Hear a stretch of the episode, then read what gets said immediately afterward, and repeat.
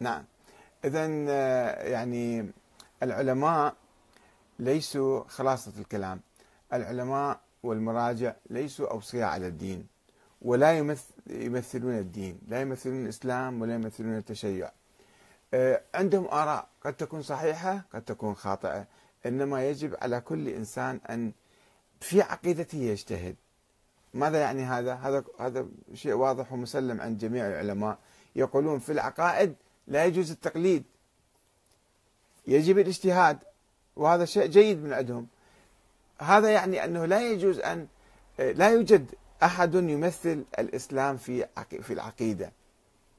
أقواله لا تمثل المذهب الشيعي لا تمثل الإسلام. إنما علينا وعلى كل أحد أن يجتهد ويبحث بنفسه حتى يكون عقيدته. وإذا شاف في آه، آراء مغالية آراء متطرفة آراء خرافية أسطورية. هو حر ويجب عليه أن يرفضها ولا يأخذها. ولا يقول أن هذا المرجع الفلاني قال كذا وكذا أو العالم الفلاني قال كذا وكذا. هو ليس حجة ولا وصي على الناس ولا يمثل الإسلام ولا يمثل مذهب أهل البيت. آه هذه هي خلاصة الكلام وأشوف إذا كان في بعد آه أسئلة أو مناقشات من الاخوه ناخذها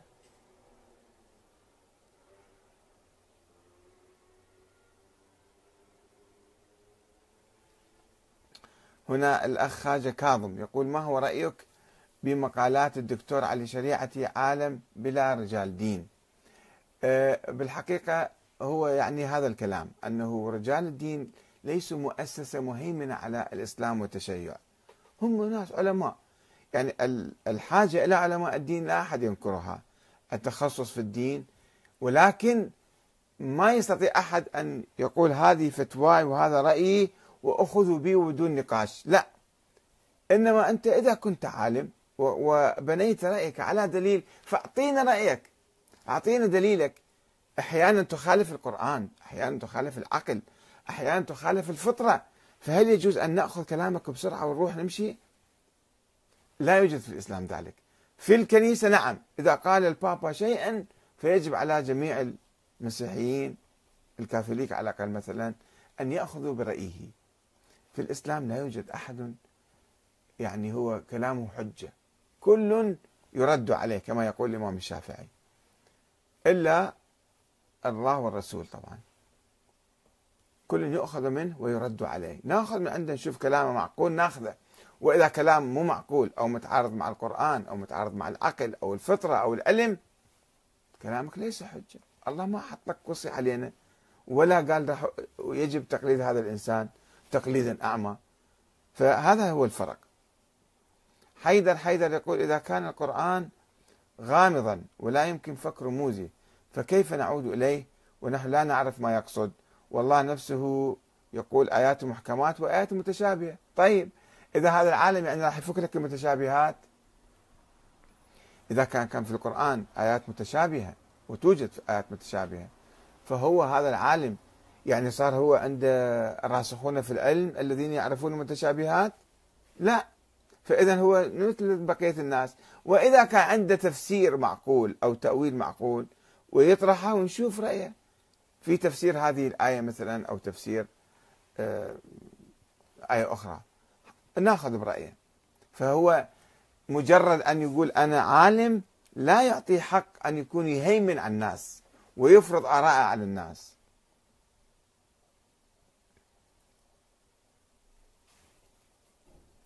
آه، الأخ حيدر يقول القرآن غامض فكيف نأخذ منه؟ يا أخي العزيز القرآن في عقيدة واضحة ما فيه غموض الله واحد لا شريك له. هذا عقيدة واضحة ولو هذا الغلاة يشركون بالله اليوم.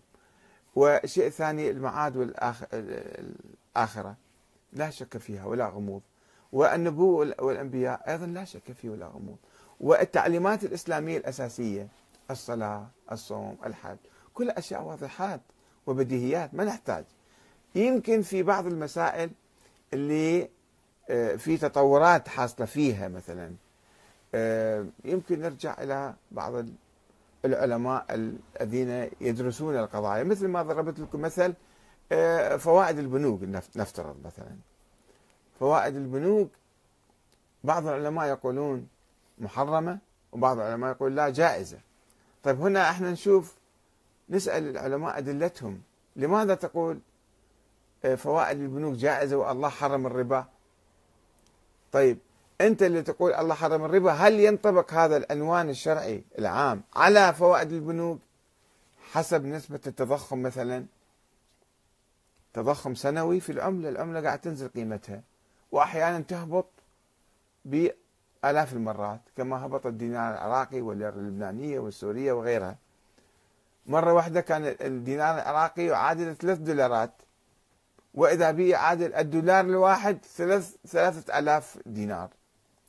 طيب هنا إذا أنا كنت متداين أو مقترض أو بايع أو مشتري أو أي شيء كيف أسدد القيمة؟